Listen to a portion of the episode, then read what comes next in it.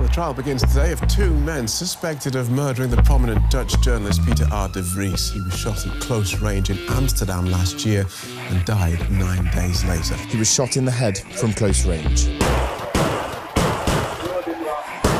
Authorities are investigating possible links to his reporting and his role in a court case against a major criminal gang described by police as a well oiled killing machine.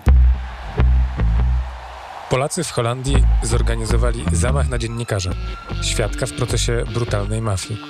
Ujawniamy, jak trafili do centrum holenderskiego półświadka. Holenderskie walki o narkotyki to kawałek większej układanki. Polskie porty są jej częścią. Tędy wiedzie jeden ze szlaków przemytu. Od wybuchu wojny w Ukrainie jeden z najważniejszych. Podcast Front Story możecie wspierać na platformie Patronite. Link do profilu znajdziecie w opisie odcinka. Dzisiaj w podcaście Front Story rozmawiamy o najnowszym tekście Polacy na usługach karteli, który jest częścią międzynarodowego śledztwa dziennikarskiego. Rozmawiamy z Mariuszem Sepioło, współautorem materiału. Cześć Mariusz. Cześć. Zacznijmy od początku tej historii. Jest 6 lipca 2021 roku. Na ulicach Amsterdamu zastrzelony zostaje dziennikarz gwiazda dziennikarstwa śledczego w Holandii, Peter de Vries, i okazuje się, że w jego morderstwo zaangażowani byli Polacy. Tak, okazuje się bardzo szybko, bo mniej niż godzinę po samym zdarzeniu w centrum Amsterdamu, gdzie Peter de Vries zostaje zastrzelo, postrzelony właściwie, bo, bo umrze 9 dni później e, w wyniku odniesionych ran w szpitalu, Mniej niż godzinę później na autostradzie pod Amsterdamem zostaje złapane Renault Clio, zatrzymane w pościgu i w Renault Clio znajdują się, jak się okaże później, strzelec, główny strzelec, czyli Delano G., raper antylskiego pochodzenia, mieszkający w Holandii i członek półświadka przestępczego w Holandii i e, za kierownicą Polak, taksówkarz ze Śląska, Kamil E. Jak to się stało, że jakiś taksówkarz ze Śląska nagle trafia jakby w centrum tak ważnych wydarzeń dla Holandii, która zmaga się z przestępczością narkotykową od lat i skąd on się tam wziął? Co udało nam się ustalić? No właśnie to jest bardzo, bardzo ciekawe. Kierowca e, Delano G, czyli, czyli właśnie Polak Kamil E., który miał być właśnie takim szoferem, który miał bezpiecznie i szybko odwieźć e, strzelca z miejsca zdarzenia. Został do tego zadania wybrany praktycznie w ostatnim momencie. Wcześniej był przymierzany do tej głównej roli, czyli do człowieka, który miał pociągnąć za spust. Tak jak kilku innych Polaków, którzy w tę sprawę są zaangażowani, więc tak naprawdę decyzja o tym, że Kamil E. zostanie tylko kierowcą, e, zapadła w ostatnich dniach przed zamachem, ale przez wiele miesięcy wcześniej ten zamach był planowany, organizowany, jego logistyka była szczegółowo ustalana na zlecenie e, gangu zwanego mokromafią, który działa na terenie Holandii, Belgii i trudni się handlem narkotykami głównie. I przez wiele miesięcy członkowie najwyżej postawieni tego gangu szukali wykonawców tej e, zbrodni na Defrisie i znaleźli właśnie wśród Polaków. Trafili na Polaków. O tym, czym jest Mokromafia, jeszcze porozmawiamy, ale opowiedzmy o dwóch pozostałych bohaterach, polskich bohaterach tej historii, bo ich udział był e, równie istotny w planowaniu i w wykonaniu tego zabójstwa. Z tego, co udało się ustalić policjantom, którzy przeanalizowali treść wiadomości ze smartfonów zatrzymanych osób i z zeznań kluczowego świadka y, w tej sprawie, który może później również Polaka o pseudonimie Edi, taki pseudonim nadała policja na potrzeby tego śledztwa, wynika, że mm, w ostatniej chwili, mniej więcej w tym samym czasie, w którym wycofał się Kamil E. z tego zadania zastrzelenia Petera de Friesa, wycofał się z tego zlecenia Konrad W., młody Polak, który wcześniej pracował y, przy rozładunku kontenerów, między innymi w Rotterdamie. To też jest ważna informacja. To znaczy to, że, że pracował przy, przy kontenerach, bo to tam trafiają narkotyki, które płyną z Ameryki Południowej. w największych ilościach w Europie trafiają one właśnie w kontenerach do portu w Rotterdamie i portu w Antwerpii w Belgii i to właśnie w jednym z takich portów pracował e, Konrad W. fizycznie. To jest młody Polak pochodzący z zachodniej Polski, z małego miasteczka, który miał wcześniej problemy z prawem tu w Polsce. Również potem po wyjeździe do Holandii, gdzie imał się różnych zajęć, również tam miał problemy z prawem, ponosił jakieś mniejsze lub większe kary za posiadanie narkotyków między innymi, ale był na tyle dobrze znany w tym środowisku przestępczym, w którym funkcjonowała ta grupa, nazwijmy ją Grupa Polska, działająca wokół mokromafii w Holandii, że to jego nazwisko w końcu padło w rozmowach na temat tego, kto ma odpowiadać za wykonanie zamachu na Petera de Vriesa. I tutaj pojawia się postać kolejnego Polaka, który tak naprawdę w całej tej sprawie, w tym procesie przygotowywania zamachu na dziennikarza odgrywa główną rolę, czyli Christiana M. Na czym polegała jego rola? Christian M. odpowiadał za skoordynowanie tych działań, za znalezienie zabójcy, tego, który odda strzały do Petera de Frisa, za znalezienie również kierowcy, za zdobycie wszelkich potrzebnych informacji, które służą do przeprowadzenia takiego zamachu, czyli ustalenia miejsc, w których porusza się, w których się znajduje Peter de Vries, miejsc, w których może przebywać poza samochodem, poza pomieszczeniami, no i jak się okazało później, taki czas i takie miejsce wytypowano, bo Peter de Vries występował chwilę wcześniej na żywo w telewizji holenderskiej RTL, w oddziale holenderskim telewizji RTL, wyszedł na ulicę, przechodził kilkaset metrów do swojego samochodu i w tym czasie został zastrzelony. E, również rolą Christiana M. było załatwienie również przez pośredników kradzionego samochodu do tego, żeby odwieźć zabójcę i kilku sztuk broni, które potem zostały znalezione w bagażniku tego auta, ale przede wszystkim jego rolą było zapewnienie no, skuteczności tego zamachu i zadbanie o to, że ten, który zostanie wytypowany, no, przeprowadzi to w sposób y, skuteczny. Dlatego też, kiedy Delano G strzelił do Petera de Frisa kilka razy, to chwilę potem jeszcze filmował rannego dziennikarza komórką, żeby ten film, ten dowód przedstawić potem swojemu zleceniodawcy Christianowi M., a ten miał ten dowód przedstawić swoim z kolei zleceniodawcom, czyli samej wierchuszce marokańskiej mafii w Holandii, mokromafii. Jak pracowaliśmy nad tym materiałem, to pamiętam, że zastanawialiśmy się nad tym, czy istnieje coś takiego w ramach struktury mokromafii, o której rozmawiamy, o której opowiemy teraz trochę więcej, zastanawialiśmy się, czy istnieje coś takiego jak polska mafia w ramach tej mokromafii. Czy masz takie wrażenie, że, że Krystianem jest ważną postacią i jakimś szefem, liderem tego typu grupy, czy w ogóle nie możemy mówić o czymś takim jak, jak polska mafia, tylko po prostu jakby narodowość nie, nie ma tutaj większego znaczenia. Mogła mieć być może znaczenie przy doborze współpracowników w morderstwie e, Petera de Frisa, natomiast w ramach struktury samej mokromafii to, że byli tam Polacy, to nie ma, nie ma aż takiego znaczenia. Jakie ty, masz, jakie ty masz wrażenie, jakie masz e, informacje na ten temat? Ja pytałem o to reporterów kryminalnych, z Holandii, którzy się zajmują tą sprawą, śledzą tę sprawę od, od dawna i nie tylko tę sprawę, tylko też w ogóle proces przeciwko mokromafii, który toczył się e, dłużej, jeszcze zanim Peter de Vries, czyli jeden e, z uczestników tego procesu po stronie oskarżenia, został zastrzelony. No właśnie, bo może teraz to jest dobry moment, żeby powiedzieć właściwie dlaczego Peter de Vries musiał zginąć, dlaczego mokromafia wydała na niego wyrok śmierci. Po pierwsze dlatego, że Peter de Vries, jako człowiek doświadczony w sprawach kryminalnych, które relacjonował dla mediów, w swoich książkach, w swoim własnym programie telewizyjnym, miał ogromną wiedzę na temat gangu marokańskiego w Holandii, w ogóle na, na temat działalności grup przestępczych także narkotykowych w Holandii i w Belgii. On był kimś takim na kształt takiego, można powiedzieć, męża zaufania, czy też powiernika gangsterów. Oni często się do niego zwracali i opowiadali mu o swojej działalności przestępczej po prostu.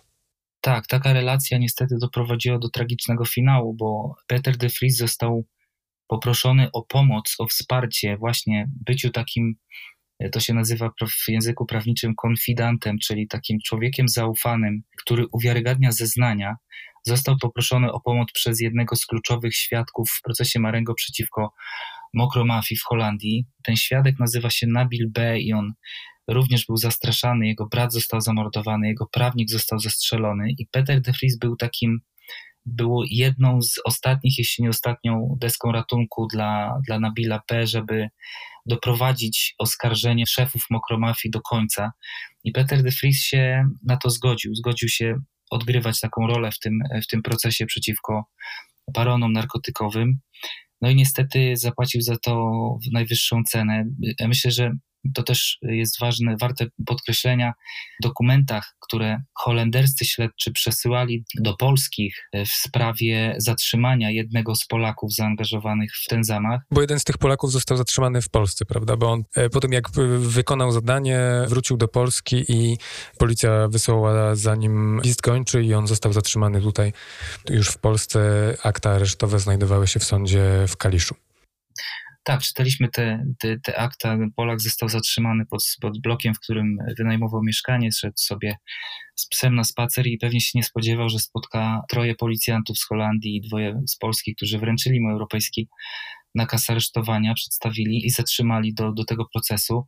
Ale właśnie w aktach, o których wspomniałeś, jest taki zapis dotyczący samej zbrodni i jej znaczenia. To znaczy, śledczy holenderscy twierdzą, że mają ku temu e, chyba duże podstawy, żeby tak twierdzić, że zabójstwo tak znanego człowieka w taki sposób, czyli w biały dzień, w najściślejszym centrum Amsterdamu, na takim deptaku reprezentacyjnym, gdzie są kawiarenki, gdzie są ogródki e, restauracyjne, gdzie było bardzo dużo ludzi, gdzie sekundę wcześniej, dwie sekundy wcześniej dosłownie przejeżdżał obok patrol policji, to miało społeczeństwu holenderskiemu powiedzieć: patrzcie, możemy zrobić coś takiego, jesteśmy do tego zdolni, i miało to zastraszyć wszystkich tych, którzy byliby skłonni jakkolwiek pomóc prokuraturze holenderskiej w dorwaniu bossów narkotykowych, czyli głównie w dorwaniu i osądzeniu Ridwana Tagiego, czyli głównego bossa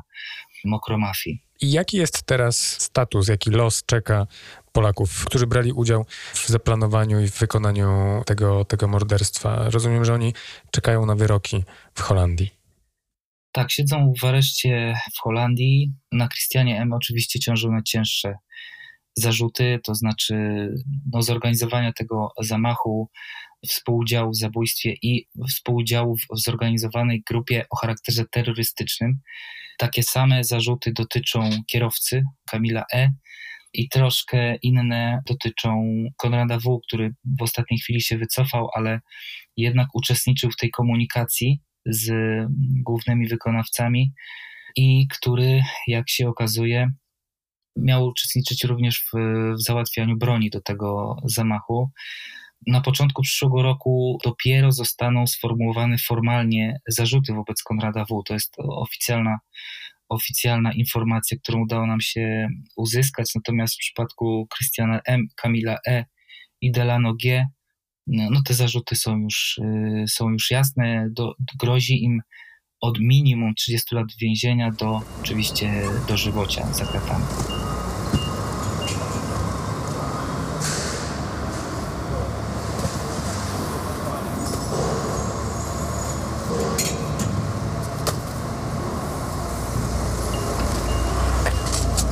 waszym zdaniem to będzie gdzieś e, ukryte w, jednych z tych, w jednym z tych kartonów, jeśli coś by było, tak? To też nie ma reguły, tak? Mhm. Może być po prostu paczka wrzucona zamiast jednej pa, pa, patyczków wyrzucona, może być jedna paczka, a mogą być po prostu cały, kilka kartonów wydzielonych, być całe zapakowane towary. To jest... Może być tak i tak. Ale i tak czy tak musicie rozpakować cały karton pałeczek i sprawdzić, czy tak, gdzieś na spodzie nawet tego nie ma. Jak już otwieramy, to do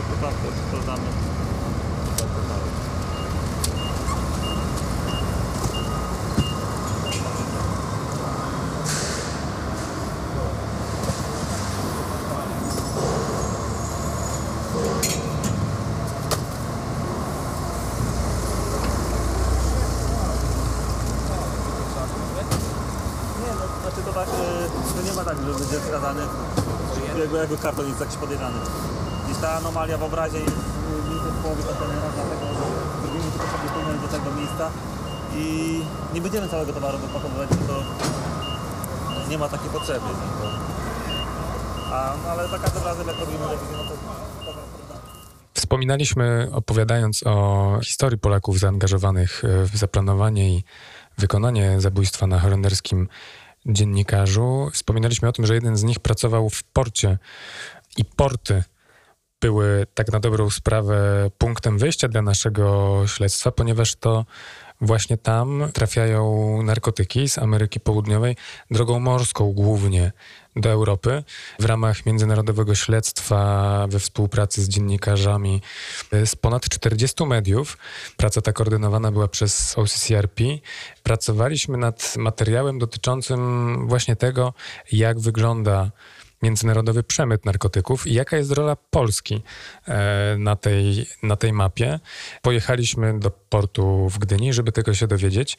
Jak wspominasz tę naszą wizytę i co na tobie zrobiło największe e, wrażenie, bo rozmawialiśmy z ludźmi, którzy pracują na pierwszym froncie walki z nielegalnym przemytem, czyli z celnikami, którzy po prostu przeszukują kontenery pod kątem tego, czy znajdują się w nich e, narkotyki.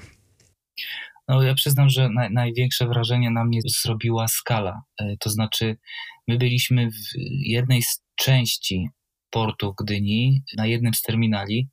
W takim E, wybranym miejscu, tak gdzieś na uboczu, do którego trafiają kontenery, które tak jakby służba celna sobie zamawia pod to, żeby te kontenery przeszukiwać na podstawie tego, co wyjdzie im z e, pracy operacyjnej albo z tego, co zobaczą w skanerach, bo jakby częścią pracy nad tym, żeby wytypować kontener do, do przeszukania, jest to, że wcześniej one przechodzą przez takie gigantyczne skanery, które skanują i e, pokazują pewne nieregularności w, w towarze, który jest przewożony. I byliśmy na takiej kontroli. Tak, przyglądaliśmy się kontroli jednego kontenera. On pochodził z Wietnamu i miał w środku pałeczki bambusowe, takie służące do, do, do jedzenia nimi. I ten, w tym kontenerze skaner wykrył jedną nieprawidłowość gdzieś tam w środku, inaczej ustawiony karton z tymi pałeczkami. To spowodowało, że celnicy zwrócili na niego uwagę. Oczywiście też pochodzenie z Azji, bo, bo z tamtego kierunku, tak jak mówili, pochodzi e, wiele e, właśnie różnych narkotyków, głównie heroiny, opiatów. Pewnie kokaina tutaj nie jest e, tym dominującym narkotykiem, ale my przyglądaliśmy się jednej kontroli, jednego kontenera, natomiast za plecami mieliśmy całą ogromną ścianę wielu setek, jeśli nie tysięcy kontenerów, które przypływają do portu w Gdyni. Co ciekawe, no, udaje się w Polsce rocznie, od, od kilku lat mniej więcej, z, przejąć kilka tysięcy, w porywach do prawie czterech tysięcy kilogramów narkotyków w tego typu transportach, czyli w transporcie głównie morskim. Natomiast to są i tak kontenery, które przypływają do nas z tego kierunku zachodniego i które już przeszły gdzieś pilną kontrolę celną. I właśnie jednym z takich miejsc, z którego przyjeżdżają do nas, przypływają do nas kontenery z narkotykami również, jest właśnie Rotterdam, czy właśnie Antwerpia, czy porty hiszpańskie, do których w Rotterdamie rocznie znajduje się przez Rotterdam rocznie przechodzi 10 milionów kontenerów, z czego kontrolowanych jest, z tego co nam mówili celnicy, właśnie około 2%. Więc możemy sobie wyobrazić, że nawet jeśli służby celne, policja mają na tym polu przechwytywania narkotyków, kokainy głównie z Ameryki Południowej, spore sukcesy, to i tak skala tego towaru, który przechodzi dalej, także do Polski i jest dalej rozprowadzony przez grupy przestępcze, jest bardzo, bardzo duża. Czy po tym naszym śledztwie masz takie poczucie, że Polska jest ważnym miejscem na mapie przemytu kokainy? Bo głównie kokainie się przyglądaliśmy oczywiście. Po drodze dowiedzieliśmy się trochę więcej w ogóle o, o tym, jakie narkotyki w jakich ilościach trafiają do, do Polski drogą morską. Ale właśnie mówiąc o tej kokainie, jakie masz, jakie masz wrażenie, czy też jaką masz wiedzę na ten temat? Z tego, co udało nam się dowiedzieć też na miejscu, w porcie, rozmawiając z celnikami, z wicenaczelnikiem służby celnej w Gdyni, wynika, że Polska, rola Polski rośnie i, i Polska staje się częścią takiego większego trendu. Ten trend bym podzielił na takie dwie składowe. Pierwsza z nich to coraz większe znaczenie w ogóle Europy Środkowej w tym, e, w tym procederze przemytu narkotyków z zachodu na wschód, bo dużą rolę zaczynają odgrywać, coraz większą rolę zaczynają odgrywać porty bałkańskie tym, na, na tym szlaku przemytniczym i także porty polskie, to znaczy Gdynia, Gdańsk i Szczecin głównie. I Ma to związek to z wojną w Ukrainie, prawda? Tak, i to jest ta druga składowa tego zjawiska, to znaczy, tak jak mówili nam celnicy w Gdyni, po wybuchu wojny w Ukrainie i zablokowaniu portów ukraińskich, głównie w Odessie, portu w Odessie przez Rosjan, ten szlak, szlak przemytniczy siłą rzeczy musiał się zmienić. Przestępcy musieli się dostosować i znaleźć jakieś inne drogi przemytu, i tą nową drogą przemytu y, staje się podobno właśnie Polska, ale też z innego powodu Polska jest y, ważnym punktem na tej mapie przemytniczej. To znaczy, ja znalazłem taką informację, że Polska prawdopodobnie nie ma takich twardych danych, bo dane dotyczące zużycia narkotyków, one są zawsze obarczone takim no, jakimś błędem, tak. I, y, I nie do końca da się to zbadać, ale z tego, co twierdzą eksperci w swoich raportach, Polska staje się mm, jednym z największych, jeśli nie największym rynkiem zbytu dla kokainy. To znaczy Polacy są bardzo chętni, jeśli chodzi o kupowanie e, tego narkotyku i używanie go, i wychodzą tutaj w tej statystyce na, na prowadzenie. Czyli widać, że stajemy się dużym rynkiem zbytu dla kokainy, która niemal w całości pochodzi z y, tych krajów Ameryki Południowej, z Kolumbii, Ekwadoru czy Meksyku. A propos jeszcze tego wątku, to, to co mi zapadło w pamięć y, z rozmowy z celnikami, to to, to że y, zastanawiali się w, w rozmowach z nami, głośno, głośno myśleli, jak to jest, że tyle towaru trafia do, do Europy, że jak, jak to jest możliwe, że jest aż tak duże zapotrzebowanie. To znaczy, z tych szacunków, które oni mieli, ty wspominałeś o tym, że tylko jakiś procent kontenerów, które trafiają, czy to do Polski, czy, czy do portów w Holandii, w Belgii, może być przeszukany, skutecznie sprawdzony, bo w innym przypadku, gdybyśmy chcieli sprawdzić każdy czy co drugi kontener, to ten ruch logistyczny za bardzo by na tym ucierpiał i, i, i firmy e, prywatne, które zajmują się transportem, logistyką, nigdy by na to się nie zgodziły, żeby, e, żeby sprawdzić każdy czy, czy co drugi, czy nawet co czwarty kontener, więc to jest tylko jakiś ułamek, jakiś procent, który jest weryfikowany, więc e, to może tylko mówić o, jakby porównując skalę tego, ile jest przechwytywane, a ile idzie tak zwanym bokiem, to, to pamiętam, że celnicy y, łapali się za głowę i zastanawiali się, kto te narkotyki y, przyjmuje w takich ilościach, że nasycenie rynku jest tak duże, że cena tego narkotyku też przez to jest, jest dosyć niska, bo, bo tego jest tak dużo. A wracając do Polski i do, y, do roli Polski, to oprócz tego właśnie, że w Polsce jest coraz więcej osób, które sięgają po, po kokainę, to ja odniosłem z kolei takie wrażenie, że y, my jesteśmy jednak mimo wszystko y, krajem peryferyjnym i jeśli już to tranzytowym.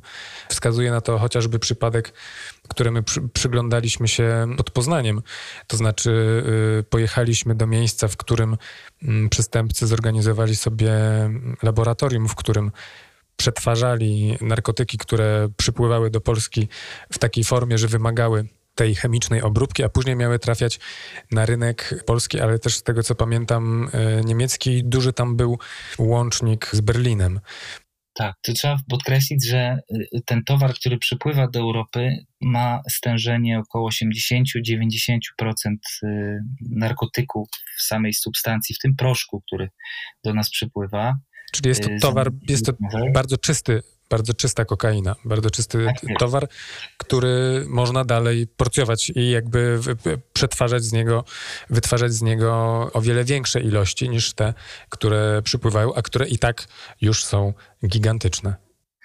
Tak, i na, na rynek po tym zmieszaniu z różnego typu składnikami, z kredą, z, jakimś, z jakąś karmą dla ryb, trafia, trafia towar o zawartości kokainy 20-30% i takie rzeczy właśnie działy się między innymi w tym, w tym domu w głębi lasu pod Poznaniem, do którego udało nam się dotrzeć. Swoją drogą w bardzo, w bardzo dobrym miejscu zorganizowali sobie ten, to laboratorium, prawda? Bliskość e, autostrady, właśnie Była to autostrada, którą można było dojechać swobodnie do, do Berlina. Dom ukryty gdzieś w lesie, zero sąsiadów, chociaż i tak wszyscy e, w tej wiosce dobrze wiedzieli, gdzie, gdzie było laboratorium z narkotykami. Tak. E, wracając trochę do, do, do, początku naszej rozmowy i tej, tej roli Polaków e, z kolei w, w tym świadku przestępczym, narkotykowym w Holandii, ja widzę dużo punktów wspólnych między tą grupą, która uczestniczyła w morderstwie Petera de Friesa i przestępcami, przestępcami, którzy tutaj w Polsce zajmują się czy to rozprowadzaniem, czy narkotyku, czy jego przetwarzaniem do rozprowadzenia, czy, czy przejmowaniem go z, bezpośrednio z portu. Ja to trochę porównuję do tego, że od wielu lat Polska jest y, w takiej skali makroekonomicznej no trochę krajem, w którym niewiele się produkuje, za to dużo się składa. Jesteśmy takim, e, składamy na przykład dużo mebli albo samochodów. Jesteśmy taką montownią. Jesteśmy trochę montownią Europy i w przypadku działalności przestępczej, narkotykowej, trochę Polacy również odgrywają taką, taką rolę. Albo są ludźmi od, od tak zwanej brudnej, mokrej roboty, jakkolwiek to nazwiemy, albo od tej najgorszej, najbardziej niewdzięcznej, bo trzeba przyznać, że w tym, w tym laboratorium pod Poznaniem to Polacy nie odgrywali tych e, wiodących roli. Tam e, Irakijczyk e, był mm, szefem całego tego przedsięwzięcia, pracowali tam również Kolumbijczycy. Polacy byli raczej od roboty fizycznej. Więc to pokazuje, że ta, ta rola Polski i Polaków w tym procederze przestępczym trochę przypomina naszą pozycję, że tak powiem, jako gospodarki w ogóle w, w Europie. Przynajmniej ja odniosłem takie wrażenie. Na pewno nie jesteśmy jakąś nacją wiodącą w, w tej dziedzinie życia. Naszym gościem był Mariusz Sopiało. Rozmawialiśmy o ostatniej publikacji na portalu frontstory.pl Polacy na usługach karteli. Tekst jest częścią międzynarodowego śledztwa dziennikarskiego. Dzięki Ci za rozmowę. Dzięki.